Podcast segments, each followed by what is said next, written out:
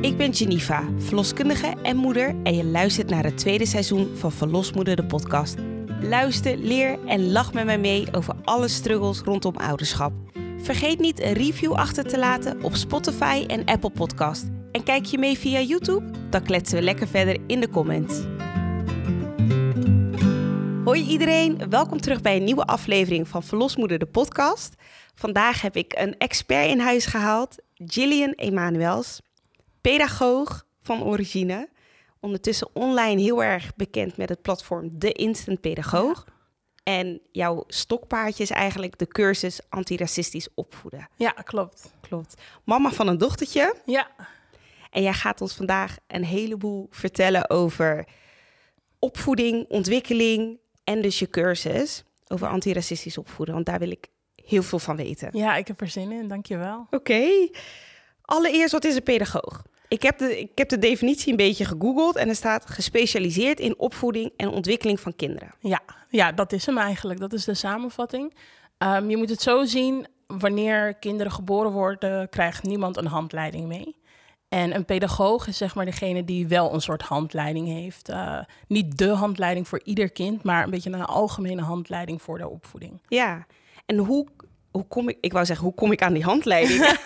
Huur me in. ja, ja, maar hoe kom je bij een, een pedagoog terecht? Want dat is niet iets wa- wat iemand tegen mij heeft gezegd. Ik ben jou, ik weet niet eens hoe ik jou online ben tegengekomen, maar ik denk dat het ging om een post die je had gemaakt dat ik dacht, oh, eigenlijk weet ik helemaal niet hoe ik hiermee om moet gaan. Ja. Maar hoe komt iemand bij jou terecht? Ehm, bij mij via Instagram met name. Ik ben nu ook weer bezig met mijn blogs oppakken. Die komen er binnenkort weer aan. Eh, dus dan gaat het ook via Google en zo. Uh, maar mijn idee is echt dat ik heel laagdrempelig beschikbaar wilde zijn. En daarom heb ik gekozen voor het internet. Dus eerst had ik een praktijk uh, op een locatie. En toen dacht ik, nee, dan krijg ik alleen maar, zeg maar mensen uit de buurt. Terwijl ik eigenlijk een groter bereik wil hebben. Ja. En toen heb ik dus gekozen voor in Instagram. Um, en nu komen mensen eigenlijk uit heel het land en België uh, bij mij terecht. En überhaupt dus bij een pedagoog in de praktijk, word je daar naartoe doorverwezen vanuit een huisarts? Of is dat iets waar je zelf naartoe op zoek kan gaan als je denkt, ik struggle een beetje met de opvoeding? Ja, dat is heel regiogebonden. Uh, je hebt uh, grote organisaties zoals de opvoedkliniek of opvoedpolie, de. Uh, er zijn verschillende organisaties die pedagogen in huis hebben. Soms kan het via een huisarts, maar het kan ook via school. Um, het consultatiebureau heeft vaak pedagogen in huis. Um, Oké. Dus het, het kan heel divers zijn. Ook wel leuk, want je Ja. kan dus op alle plekken eigenlijk werken als het maar inderdaad in het straatje van opvoeding en ontwikkeling met je kleine zit. Ja, klopt. Oké. De post waar ik naartoe verwijs Ja. is eh, het stukje over driftbuien. Ja. Heb een dochtertje van nu bijna drie jaar. Ja. En jij had ook een, eh, een dochtertje, we schelen niet heel veel Nee. van elkaar. En je had een post gemaakt over driftbuien. En ik was gewoon heel erg benieuwd hoe jij dan als specialist daar kennis over hebt en hoe je daarmee omgaat. Want voor mij was het echt zoekwerk van, ja. oké, ik merk nu dat ik moeite heb met de situatie van hoe ga ik om met een kind dat in een hele andere emotionele staat is dan dat ik ben op dat Ja. moment. Ja. Ja, dat is een hele mooie omschrijving. Dat doet ouders ook heel vaak schrikken. Hè? Van oké, eh, we waren net nog dit aan het doen en nu is het zo gigantisch omgegooid, zeg maar. Ja. Um, en als pedagoog kijken we ernaar als een normale ontwikkeling. Het hoort simpelweg bij het feit dat het kind steeds meer kennis heeft van wat er in de omgeving gebeurt. Dus als je naar baby's kijkt, baby's zijn nog heel erg ingesteld op hun opvoeders. En de rest, dat is ietsjes minder belangrijk. Dat krijgen ze vaak ook niet mee. Nou, dreumen die kunnen al een beetje de wereld verkennen. En dat maakt soms dat ze tegen grenzen aanlopen die ze niet begrijpen. En dat is vanaf één jaar. Ja, precies. En dan zie je dat kinderen vaak het vermogen ontwikkelen om een driftbui te, te hebben. En daarvan zeggen wij als pedagogen van het is heel normaal. Ja. En hoe jij daar als ouder mee omgaat, dat is eigenlijk leidend. Um, dus op het moment dat je gaat straffen, dan kan een kind nu nog driftiger worden. Want het is al boos, het is al, zeg maar, um, um, het is al driftig. En nu moet het met nog grens dealen waar het eigenlijk geen mentale ruimte voor heeft. Dus dat kan heel erg gaan escaleren. En vanuit de pedagogiek zeggen we dan, in plaats van dat je uh, gaat straffen voor het gedrag dat je niet wilt zien, is dat je je kind gaat bijstaan in het ervaren van die emotie. Ja. En dat is heel erg leidend in ja, hoe die driftbui zich ontwikkelt, maar ook in hoe die afneemt. Ja. Ik vond dat altijd zo lastig om te lezen, want dan dacht ik, dat is, ik, dat is zo anders dan hoe ik het heb geleerd of Ja. heb gezien bij de oudere generatie, noem ik Ja. dan altijd. Ehm, want dat is toch waar jij zelf van leert. Want ik, Ja. ik vind het jammer dat dit niet stof is die we gewoon als aanstaande ouders standaard krijgen. Ja, En dat, dat, dat heb ik niet meegekregen bij het consultatiebureau, Centrum Nee. Jeugd en Gezin. nee. Maar het is toch een hele andere kijk. Want ik denk als ik ehm, in het begin kijk van hoe ik met Juna omga met zo'n driftbui, dat ik dan Ja. echt dacht van ja, weet je, dit kan ik niet toelaten. Ja. Dat je je zo gedraagt. Precies. Dus ja. dat, wil, dat wil je corrigeren. En dan dacht ik ook altijd, oh my god, I'm not that mom. Dat gewoon een kind schreeuwend op de gang heeft liggen. ja, ja, precies. En dan precies. alleen maar vraagt, ja, hoe gaat het met je? Ja, Maar dat is niet alleen de insteek die er is. nee. En weet je, met de oudere generatie zeg ik altijd van die eh, eh, roeiden met de riemen die zij hadden natuurlijk. En inmiddels zijn bepaalde wetenschappen zoals de pedagogiek ontwikkeld. Ehm, waardoor je eh, af en toe ook moet bijstellen. En weet je, zij hadden geen handleiding. Wij hebben nog steeds geen handleiding. En over tien jaar zullen we ook weer op dingen terugkijken en zeggen van... oké, dat de oudere generatie, en dat zijn wij dan eh, natuurlijk. Ondertussen zijn wij het al. Eh, niet zeggen. dat de oudere generatie dat deed, zeg maar, dat kan gewoon niet meer. Of daar moeten we anders mee Ja. omgaan. En ik denk dat die mildheid, die moeten we met z'n al- allen altijd, zeg maar, bewaren. Van, je doet het met wat je hebt en wat je Ja. weet. Ehm, en wat ik heel erg belangrijk vind, is als je dan geleerd hebt hoe het anders kan... eh, dat je dan je best doet om daar naartoe te streven. Ja. ja, ik vind het mooi gezegd. Ja. Zijn er dingen die jij rondom de driftbuien, eh, die je meeneemt vanuit wat jij hebt geleerd van je ouders? Want ik weet niet of dat beide ouders bij jou in de opvoeding aanwezig waren. Of pak je dat meer vanuit je eigen gevoel en je kennis als pedagoog? Ehm, dat is een goede vraag. Ik denk dat ik het voornamelijk doe vanuit mijn ervaring, mijn werkervaring en vanuit mijn kennis als pedagoog. Ja, Ehm, en niet omdat mijn ouders het niet goed hebben gedaan of omdat ik er niet achter sta. Ehm, maar ik denk dat de, de maatschappij inmiddels zodanig veranderd is dat sommige dingen. ehm, ik denk dat zij daar ook niet meer achter zouden staan. En maar zeker, je bent nu ook waarschijnlijk de expert erin. Ja, En de rest doet, doet eigenlijk doen we heel veel ouders doen maar wat. Ja, ja. En vergis je niet, ik doe soms ook maar wat met mijn kind. Weet je, Ja. het is echt wel een verschil tussen wat je als professional weet Ja. en hoe je als persoon in de opvoeding naar je kind toe staat. Want dat is toch een enorme spiegel voor je. Ja, ja. En eh, ja, daar ben je niet in getraind als pedagoog. Nee, nee, nee, nee, nee. Ik herken dat vanuit het moeten bevallen als een verloskundige zijn. Dat ik alles behalve een verloskundige oog had op dat moment. Precies, ja, dat, dat Ja. laat je dan eventjes los. En tuurlijk, je hebt wel getraind en je hebt het gezien, dus je hebt die ervaring. Maar ja, het is altijd een beetje shiften tussen je ervaring en dat moment. Wat zou je mee willen geven voor een aanstaande oudere of een ouder die dus nu net in die fase zit met driftbuien? Wat zou je aan hun mee willen geven als tip? Ehm, het is een fase. Het gaat weer voorbij. Het zegt niets over jou als ouder. En ehm, zie het zo dat jouw kind eigenlijk schreeuwt, soms letterlijk schreeuwt, om te leren begrijpen wat er gebeurt. En soms betekent dat dat jij eventjes pas op de plaats moet nemen, tot 10 seconden moet tellen en dan gaat kijken vanaf een afstandje van oké, hoe kan ik mijn kind hier en nu helpen om hier doorheen te komen? Ja, echt, echt naar je kind kijken dus. Ja, absoluut. Dat mooi gezegd. Jij hebt een cursus gemaakt, Ja, antiracistisch opvoeden. ja, klopt. Waarom vond je dat nodig? Ik was begonnen met een eh, training, een online training. En die training werd ontzettend goed eh, bekeken, gevolgd. En daarna heb ik een, eh, een, een kleine onderzoek gedaan van oké, ik heb je een aantal tips gegeven, wat heb je ermee gedaan? En wat ik merkte is dat de mensen eigenlijk heel erg op de praktische dingen gingen zitten. Dus ja, ik heb gezegd van het is belangrijk dat je kind een bruine pop heeft. Eh, kijk ook naar huidskleur potloden, kijk ook naar diverse boeken. Ja, Uh, maar ik heb ook gezegd van het is belangrijk dat je je gaat verdiepen in wat racisme is en hoe jij er wel of geen last van hebt in jouw leven. ja, Uh, ik heb ook gezegd van weet je, ga in gesprek met mensen om je heen om te ontdekken wat zij ervaren van racisme. En eigenlijk al die praktische dingen daarvan zeiden mensen heel trots van oké, dat heb ik gedaan. En al die moeilijkere, uitdagendere dingen, daarvan zeiden mensen van ja, dat, dat, dat lukt me nog niet. Nee. En toen dacht ik, oké, maar met die pop, die bruine pop die je hebt gekocht voor je kind, gaan we natuurlijk geen verandering in de maatschappij teweeg brengen. Dat moet anders. Want wat heeft dat voor zicht op een kind om een bruine pop te hebben als je zelf niet bruin bent? Ehm, kijk, een pop is een beetje een eerste vriendschap van een kind. Als ik kijk naar mijn eigen dochter, ze heeft een knuffel die met haar de wereld overgegaan is. Waar zij geslapen heeft, is die knuffel geweest. Ehm, en nou, ze heeft zo'n hechte vriendschap gevormd met die knuffel eigenlijk... dat het ook een onderdeel is geworden van wie zij is. Ja. Waar zij gaat, gaat zij. En dat kan ook met een pop gebeuren. En ik denk dat het voor kinderen heel erg waardevol is... om een pop te krijgen die niet op hun lijkt... Um, omdat het hen een introductie biedt in dat mensen van elkaar verschillen. Ja. Maar ook de essentie dat die verschillen, um, zeg maar het verschil in uiterlijk niets afdoet aan het innerlijk of de mogelijkheden van iemand. Um, ik denk dat dat heel waardevol is. Ja. Maar dat is maar zo'n, zeg maar, minuscuul uh, deeltje van antiracisme. Ja.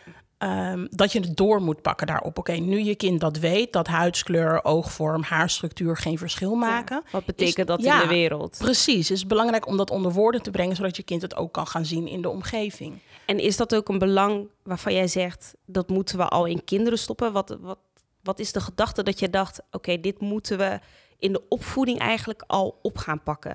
Want dat voelt voor mij best nieuw. Ja, um, ik geloof dat als we willen werken naar maatschappelijke veranderingen, dat we um, moeten werken aan de structuren in onze maatschappij. En op verschillende uh, gebieden zijn mensen al bezig. Weet je, er worden mensen getraind van de politie om minder bias te zien of om minder vooroordelen te hebben. In het onderwijs is er uh, redelijk wat aandacht voor. Nou, in de geboortezorg is er nu ook aandacht voor. Maar waar nog heel weinig aandacht voor is, zijn de nieuwere generaties. Ja. De generaties die het stokje over moeten nemen van ons. En dan kunnen we zeggen van oké, weet je wat, uh, zij komen aan de beurt zodra de ver maatschappij veranderd is. Ja. Maar eigenlijk hebben we al die tijd meegegeven wat wij meegekregen hebben. Ja. En daarom zeg ik nee, als we echt willen werken aan duurzame veranderingen voor over 100 jaar, dan moeten we starten met onze kinderen. Ja. Dan moeten we hen meegeven wat wij niet meegekregen hebben, zodat zij het over 100 jaar aan hun kinderen en kleinkinderen door kunnen geven. Ja. Waaronder dus de praktische dingetjes. Absoluut. Maar jij zegt dus van om de praktische dingen in de wereld in te kunnen zetten, ja. heb je achtergrond nodig. Ja, heb je, je de kennis nodig, ja. Maar een kind kan natuurlijk niet met jou het gesprek hebben over racisme, over privileges.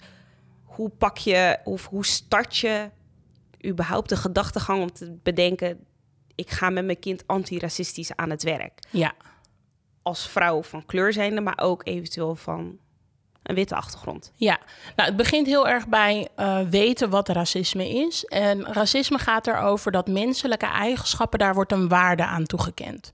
Dus bepaalde uh, huidskleuren, bepaalde krulvormen, bepaalde oogvormen, daar wordt iets over gezegd door middel van racisme of iets dat racistisch is.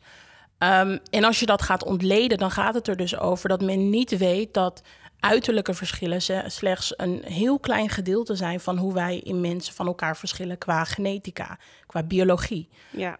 Um, en als je het dus zo een beetje ontleed hebt, dan kun je ook bedenken van oké, okay, maar als ongeveer 97% van onze menselijke eigenschappen overeenkomen, onze genetica, ja.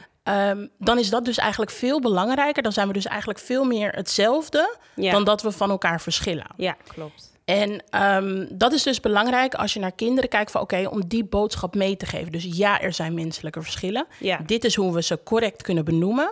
Um, maar ze betekenen eigenlijk net zoveel als dat iemand wel of niet gekozen heeft om vandaag een spijkerbroek aan te trekken. Precies. Het zegt niets over die persoon. Ja, dat is ook denk ik het struikelblok waar veel ouders in vallen is. Mijn kind ziet geen kleur. Wat zeg jij over die statement dan? De meeste ouders die dat zeggen, dat zijn allereerst witte ouders. Simpelweg omdat witheid je beschermt van zien dat je wit bent in de maatschappij. Of ja. dat je last ervaart van het feit dat jij wit bent. Um, kinderen zijn niet kleurenblind. En jij als verloskundige weet ook, kinderen zijn feitelijk kleurenblind totdat ze drie maanden oud zijn. En ja. vanaf dan gaan ze ongeveer kleuren zien. En dus hebben ze ook het vermogen om te zien dat jij en ik uh, wat donkerder bruin zijn dan een wit persoon, om eventjes een voorbeeld te geven. Ja. Um, en met die observatie is niets mis. Het is net zo kloppend als dat ze zien dat een plant groen is. Ehm, maar wat er nu gebeurt is dat wanneer ze ouder worden, ze in de maatschappij gaan zien dat bepaalde mensen zoals jij en ik ehm, niet op alle posities in de maatschappij zitten. Of dat we er wel zitten, maar echt maar in een heel kleine getalen, zeg maar. Ehm, en die observatie die klopt. Maar wat er nu gebeurt is dat ouders dan zeggen van "Sst, niet over praten. Ja, En nu lijkt het te gaan over dat verschil. ja, En niet over eh, wat er echt toe doet, namelijk maatschappelijke structuren. ja, Ehm, dus waar ik heel erg naartoe wil, is dat als je het er niet over hebt, omdat je denkt dat je kind het niet ziet, ja. dan kan je kind het dus ook niet leren begrijpen. Nee. nee. En feitelijk weten we, kinderen zien het. Ja, Nu wat er mist is het puzzelstukje van oké, we gaan het erover hebben. We gaan je erin begeleiden. We gaan je vertellen hoe je mensen kunt aanduiden op een respectvolle manier. ja, Ehm, en we gaan een basis leggen van gelijkwaardigheid. ja. Maar dat kan alleen als je het gesprek erover aangaat. Klopt. Ik merk ook bijvoorbeeld, Juna zit bij een kinderopvang in een, ehm ja, een oudere verzorgingstehuis. Nou, er zijn mensen in rolstoel, er lopen mensen met krukken, het zijn oudere mensen. Het is, Ja. het is alle etniciteiten komen daarin samen, want hè, het is Rotterdam. Ja, ja, Dus dat is voor mij ook op zich wel makkelijk. Ik merk dat Juna niet opkijkt van kleurverschillen. Nee. Dus dat, dat merk ik. Dat komt ook waarschijnlijk omdat in onze vriendengroep heel veel kleurverschillen zitten. Ehm, ik ben wat lichter dan dat mijn man is. Ja. En Juna is nog een stukje lichter. Ja. Dus daar zit al een heel veel verschil in. Dus ik denk dat dat misschien bij haar niet zo snel opvalt qua kleur. Ja. Maar ik merk wel dus, als iemand met een rolstoel is, dat ze dat dan ook benoemt. En dan zegt, kijk mama, Ja. die heeft een stoel. Ja. Wat is eh, volgens de pedagogiek een manier om daarmee om te gaan? Want ik weet hoe ik ermee omga. Ik benoem, ja, dat klopt. Ja. Die zit in een stoel. Die meneer kan niet lopen. Of Ja. die mevrouw kan niet staan. Of Ja. die mevrouw heeft hulp nodig met die stokken om te kunnen lopen. En dan kijkt ze me vaak aan en zegt ze, oké. Ja. En dan loopt ze door. Ja. Maar ik heb ook ouders die gewoon zeggen van, dat moet je niet zeggen. Ja. Nou ja, vanuit de pedagogiek is het duidelijk dat we het eigenlijk moeten doen zoals je het, voorbeeld dat je geeft. Eh, de observatie die ze maken als kloppend weergeven of kloppend bevestigen als, als het natuurlijk klopt. Ehm, het klopt, die persoon zit in een rolstoel. Dat noemen we een rolstoel. Of ehm, weet je wat je ook aangeeft van die persoon die heeft de rolstoel nodig. is een hele duidelijke uitleg die je kinderen kunt geven. En daarbij kun je het ook afsluiten Ja, op het moment dat je gaat zeggen van "Sst, daar mag je het niet over hebben, of dat is gemeen, of dat is onbeleefd, ehm, dan is het voor een kind heel moeilijk te begrijpen wat nou precies onbeleefd is. ja, Is die observatie die ik als kind heb gemaakt onbeleefd? Is het feit dat die persoon in een rolstoel zit onbeleefd? En wat Ja. kinderen heel vaak doen, is dat ze het op zichzelf gaan betrekken. ja, Dus mijn observatie, die is onbeleefd, dus ik mag dat niet meer zeggen. ja, En vervolgens kan dat le- leiden tot een soort van verlegenheid of handelingsverlegenheid van oké, ik weet niet wat ik moet doen in een situatie eh, waarin ik met iemand ben die Ja. een rolstoel heeft. ik merk dat ik het lastig vind op... ehm, voor, laat zei ze voor het eerst... Oh mama, je hebt een dikke buik. Je hebt echt dikke buik en dikke billen. En, toen, Ja. en in mijn reactie wilde ik echt zeggen van... Nou, dat, mag je, dat kan je niet zeggen. Ja, En ik, heb de, ik moest er echt over een minuutje bij stilstaan van... Oh ja, zij bedoelt ten opzichte van haar. ja, ja Dus precies. tiny. Dus ja, ik ben groot in Ja. haar ogen. Ja, Maar ik denk dat ik echt daar bijvoorbeeld wel moeite mee zou hebben als dat in het openbaar. Dit is gewoon lekker thuis bij mij in de badkamer. Ja, als ik ga douchen. ja, ja, ja, ja. Maar ja, hoe ga, ja, ik vind dat dus wel een lastig ding om te zeggen van hoe ga je daarmee om buiten? Want je wilt ook niet iemand beledigen. Nee, nee. En ik denk dat dat de ondertiteling is die je dan biedt. En dat, hè, dat noemen we ondertiteling. Dus jij gaat nu uitleggen wat er in de situatie gebeurt. En dan kun je dus aangeven van, als, nu gaat het dan over jou, van eh, eh, ik ben inderdaad groter dan jij. Ja. Of als je dikker een prettig woord vindt, ik ben inderdaad dikker dan jij, dat klopt. Ja, Ehm, en als het over een vreemde gaat, dan kan je ook je kind bijsturen in wat wel geaccepteerd is om te zeggen. Ehm, en nu is dik best wel een gestigmatiseerd woord in, in de maatschappij, dus dan zou ik dat niet zeggen. Maar dan zou je wel kunnen zeggen van ja, die persoon heeft een grotere buik dan Ja. jij. En daarmee kun je het ook afsluiten vaak Ja. bij kinderen. Dan is Ja. dat al ik voldoende. hoef niet toe te lichten dat dat een gevoel kan opwekken bij een ander. N- Het Omdat- mag, het mag zeker. Mhm. Ehm, Maar ik zou, als je er nog niet prettig bij voelt, nog niet die poging wagen. Dat kun je ook later doen, wanneer je uit de tram stapt bijvoorbeeld. Van, hé, hey, ik heb er nog eventjes over nagedacht. Van, ik had je eigenlijk dit en dat moeten uitleggen. Ja. Omdat dat heel erg belangrijk is. Dat je volgende keer, als je zoiets ziet bij iemand... dan kan iemand dat heel vervelend vinden dat je dat zegt. Ja. Dus heb ik liever dat je het eventjes in mijn oor fluistert. Ja, nou nu is Juna dan bijna drie. Ik denk mentaal gezien dat ze dat nog niet aan elkaar kan koppelen. Dus ik heb dan inderdaad het idee van... oké, misschien moet ik gewoon alleen dan toelichten van... oké, ja, ik ben groter. En ze heeft het gelukkig nog niet buiten Nee. bij iemand anders gedaan. Het is echt een, net een nieuwe fase. Ja, nou ja, op zich kan het ook bij een nog geen driejarige. Maar dan gaat het heel erg over dat je het vaak gaat herhalen. Oké. En dan moet je een beetje de afweging maken van... oké, hoe vaak gaan we met het OV en kan deze kans voorkomen? Weet Ja. je, dat, dat is een beetje inschatten. Ja. Maar in principe kan je nooit misgaan met ondertitelen. Ja. Wat zijn jouw tips of adviezen als het gaat om angstigheid bij een kindje? Ik heb een kind dat, als ik haar nu eh, jou zou laten voorstellen, dan zegt ze hoi, geeft ze een high five en klimt op zijn schoot en vraagt ze of je een boekje wil lezen. Ja, Totaal geen angst. nee. Wat ik doodeng vind. Ja, want ja, ik ben wel zo. Ja, Ik, eh, ik ben niet opgegroeid met mijn ouders. Ik heb gewoon nare situaties als een kind meegemaakt. Dus Ja. ik ben heel het gevoel van beschermend naar haar toe. Ja. Van ja, je kan niet iedereen vertrouwen. ja precies. Ook niet. Weet je, mensen waarvan jij denkt die zijn heel vriendelijk. Ja. Wat zijn tips en adviezen die jij meegeeft als het gaat om kinderen die juist de andere kant op gaan? Of kinderen zoals bijvoorbeeld Juna die dat stukje angst niet kennen? Ja, ehm, eerst even angstige kinderen. Ehm, mijn dochter is bijvoorbeeld zo iemand die mensen geen high five geeft en soms ook niet wilt groeten. Ehm, en ik heb ervoor gekozen om dat gewoon te laten. Dat is nu hoe zij is. Ehm, ik merk ook dat ze iemand is die even de kat uit de boom moet kijken. En ik, ik wil haar die ruimte geven om even de kat uit de boom te kijken. Ehm, en ik denk dat zij voornamelijk gewoon een kindje is dat heel erg bewust is van hoe iemand eh, een soort van energie uitstraalt. Wat voor energie iemand uitstraalt. En dat ze dat eerst eventjes moet peilen voordat ze eh, zich comfortabel voelt. Ja. En mijn advies naar andere ouders is ook om je kind de ruimte te geven om dat te voelen, te ervaren. En nou ja, weet je, uiteindelijk eh, is het fijn als je kind groet, maar er gaat ook niemand overboord als je kind niet groet, zeg maar. Nee. Uh, het is ook niet zo dat je kind dan per definitie onbeleefd wordt als het nooit groet. Dat is iets wat je zeker op een latere leeftijd nog kunt oppakken. En je kunt ook altijd alternatieven bieden. Dus wat ik doe met mijn dochter is dat ik vraag van... wil je een high five geven? Of wil je gewoon even zwaaien? Of wil je eventjes oogcontact maken? Dat zijn dan de drie opties die ik haar bied. En heel vaak dan kijkt ze heel snel eventjes naar die persoon... en dan is het klaar. En dan denk ik, nou ja, prima. Ja. Je hebt gekozen. Ja. Um, en ja, dat zou ik ouders ook aanraden om dat te doen. Van respecteer de grenzen die je kind op dat moment communiceert. Um, en, en kijk naar wat op dat moment haalbaar is en laat, laat het dan een beetje los. Ga vooral niet straffen. Dus als ze dan ook besluit om geen oogcontact te maken, dat je dan niet zegt van oké, okay, nu krijg je geen, uh, weet ik veel, iets meer. Ja. Uh, maar dat je het daar gewoon bij laat van oké, okay, dan komt het zo wel. Ja. En voor kinderen zoals Juna zou ik weer zeggen van oké, okay, probeer voordat je uh, in zo'n situatie komt dan um, te bespreken wat je van haar verwacht. Dus van oké, okay, we gaan zo meteen naar binnen. Um, ik vind het niet prettig als je zomaar bij mensen op schoot klimt. Je mag wel een handje geven of even een high five geven.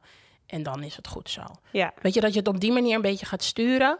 Um, voordat de situatie zich voordoet. En dat je daarna ook weer kunt evalueren van... hé, hey, ik vond het heel uh, goed van jou dat je een handje gaf. Ja. Vond ik heel prettig. En dat je niet, um, of weet ik veel, dat je heel vriendelijk naar die persoon toe was. Ja. En dan zou ik het daarbij laten. Ja. Ik moet eerlijk zeggen, het, het, maakt het ook in heel veel situaties makkelijk ja. dat ze zo is. kan ik me hoef, voorstellen. Ja, ik hoef nooit zorgen te maken dat we ergens zitten en dat dat misloopt. Ja. Met de gedachte van, oh, ik moet continu mijn kind daarin entertainen of ja, beschermen. Ja. Maar dat maakt het soms dus in, in hele nieuwe situaties dat ik dan af en toe denk, oh, jeetje, Ja. zou ze nou gewoon zo met iemand weglopen? Want Ja, ja, ja. Zo ja. open staat zij erin als in onschuldig in de wereld. Ja, ja, ja. Is ook wel kind-eigen ergens hoor, om dat uh, tot op zekere hoogte te hebben. Maar ik denk als je het gewoon blijft bespreken met haar, dan komt dat wel goed. Ik had uh, een heleboel vragen gekregen van ouders. Ja. Die zeiden, hoe bereid ik mijn kind voor op baby nummer twee? Ja. Is dat iets waar jij zelf zegt van, nou, daar heb ik handige tips voor? Uh, ja hoor. Ehm, weet je, ongeacht de leeftijd van je kind is het belangrijk dat je gewoon gaat praten over een nieuw kindje. En Mhm. boeken kunnen daarbij helpen om het verhaaltje voor te lezen. En dat je dan gaat uitleggen van oké, nou, wij krijgen ook een nieuw kindje erbij. Ehm, en dat je eigenlijk voordat de baby er is, eh, momentjes blijft inplannen om nog eventjes met z'n tweetjes te blijven. Dus dat je echt nog eventjes gaat investeren in die band. Ja. En niet alle kinderen worden jaloers. Ik merk dat dat echt een angst is van heel veel ouders. Uh, Ja. Niet alle kinderen worden jaloers. Dat kan Nee. je ook niet van tevoren voorspellen. Ik merk dat ook echt in het kraambed. Dat heel Ja. veel ouders dan zeggen van... ik ben zo bang dat, eh, dat het dan niet goed gaat. Maar ik zie dat bijna nooit gebeuren. Nee. Je ziet soms een beetje overprikkelen. Ja, Oh, eh, dat- ze gewoon een beetje huilerig worden om het feit Ja. van... ik ben eh, te lang wakker of is te veel geleid of te veel bezoek Precies. geweest. ja. Maar ik zie ze eigenlijk nooit lelijk doen richting een baby. En zeker niet in die beginfase. Nee, de gevallen zijn er wel, maar dat zijn echt de uitzonderingen. De meeste Ja. kinderen die hebben eventjes moeite, want hè, geef toe, hun wereld staat op de kop. Ja, Uh, hun ouders zijn niet meer alleen van hun, maar nu moeten ze gedeeld worden. En nou ja, het is hartstikke onduidelijk wanneer, op welke manier, hoe lang. ja, Uh, ik heb ook wel eens verhalen gehoord van, van peuters die dan zeiden... wanneer gaat de baby weer terug? Zo van, Ja, oké, ik ben er nu wel klaar ja, mee. Ja, ja, ja. Ehm, dus ja, ik zou zeggen van probeer gewoon in gesprek en contact te blijven met je kind. Hoe jonger, hoe meer je het erover, eh, hoe eerder je eigenlijk begint met het erover praten. ja. Ehm, en eh, probeer samen dingetjes te bedenken voor als de baby er is. En praat ook een beetje over wanneer de baby er is, van hoe dat eruit kan zien. ja. En dat kan ook al met hele jonge kinderen. Ja, wat ik soms ook wel in de praktijk meemaak is wanneer vertel je het aan je kinderen? Want ehm, ik heb wel eens meegemaakt dat iemand het heel vroeg had verteld of bij de eerste echo mee had genomen met het Ja. idee van ik ben zwanger en die echo is niet goed. Of Ja. het gaat te vlak daarna toch mis. Ja, En dat ouders het heel moeilijk vinden hoe dat gesprek aan te gaan met kinderen van oh er is nu iets naars gebeurd of iets Ja. vervelends gebeurd of iets waar we naar uitkijken gaat niet Ja. door. Heb je dat wel eens meegemaakt in je vakgebied dat je zegt van hoe gaan ouders dat gesprek met hun kinderen aan? Ja, ik denk dat het heel erg situatieafhankelijk is. Ehm, zo heb ik een moeder gehad die dan HG heeft. Ik weet even de volledige term niet. Ja, maar hyperemesis gravidarum, dus dat is extreme jij zwangerschapsmisselijkheid. weet dat wel natuurlijk, inderdaad.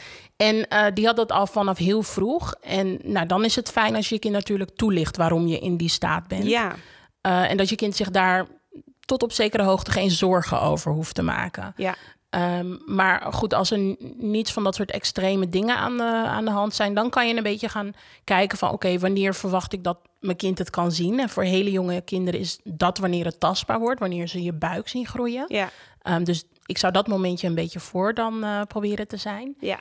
En ehm, ik, ja, ik denk dat dat een beetje de afwegingen zijn die je moet maken. Van ervaar je veel zwangerschapsklachten? Ja, dan ga ik het vertellen. ja. Eh, ervaar ik minder zwangerschapsklachten? Nou, dan wil ik het doen voordat het echt te zien is. Ja, eh, zodat mijn kind erop voorbereid is van wat er gebeurt. ja, precies. En dan kan je zelf een beetje de afweging maken. Wanneer neem je je kind wel mee, wanneer niet. Misschien niet bij een 20 weken echo, maar wel, weet je, Een ertussen. leuke controle tussen. Ja, een pret echo of zo. Net wat je wilt. Ja, dat zijn wel handige tips. Ja. Goed. Ik heb je een hele vragenvuur gegeven. Ja, Is er iets wat jij nog nieuwe ouders of ouders die opnieuw dit, dit, dit hele avontuur aan willen gaan, zou willen meegeven? Ehm, nou ja, behalve volg Jennifer op eh, YouTube natuurlijk, want die vertelt je alles over eh, zwangerschap en alles erna. En volg mij op Instagram. Ja, voor handige tips rondom eenkennigheid, driftbuien, Ja. opvoeding, voorlezen. Het is, ik moet eerlijk zeggen, de handleiding die er mist, is het fijn om een klein beetje toch die sturing te vinden. Oké, maar wat zijn mijn opties? Precies, ja. Ja, mooi. Goed iedereen, ik hoop dat jullie dit weer een leuke aflevering vonden. Gillian, bedankt voor het komen. Graag gedaan, dankjewel. Vergeet niet eventjes een volg te geven op haar Instagram pagina, De Instant Pedagoog. En dan zie ik jullie weer in de volgende aflevering. Ciao!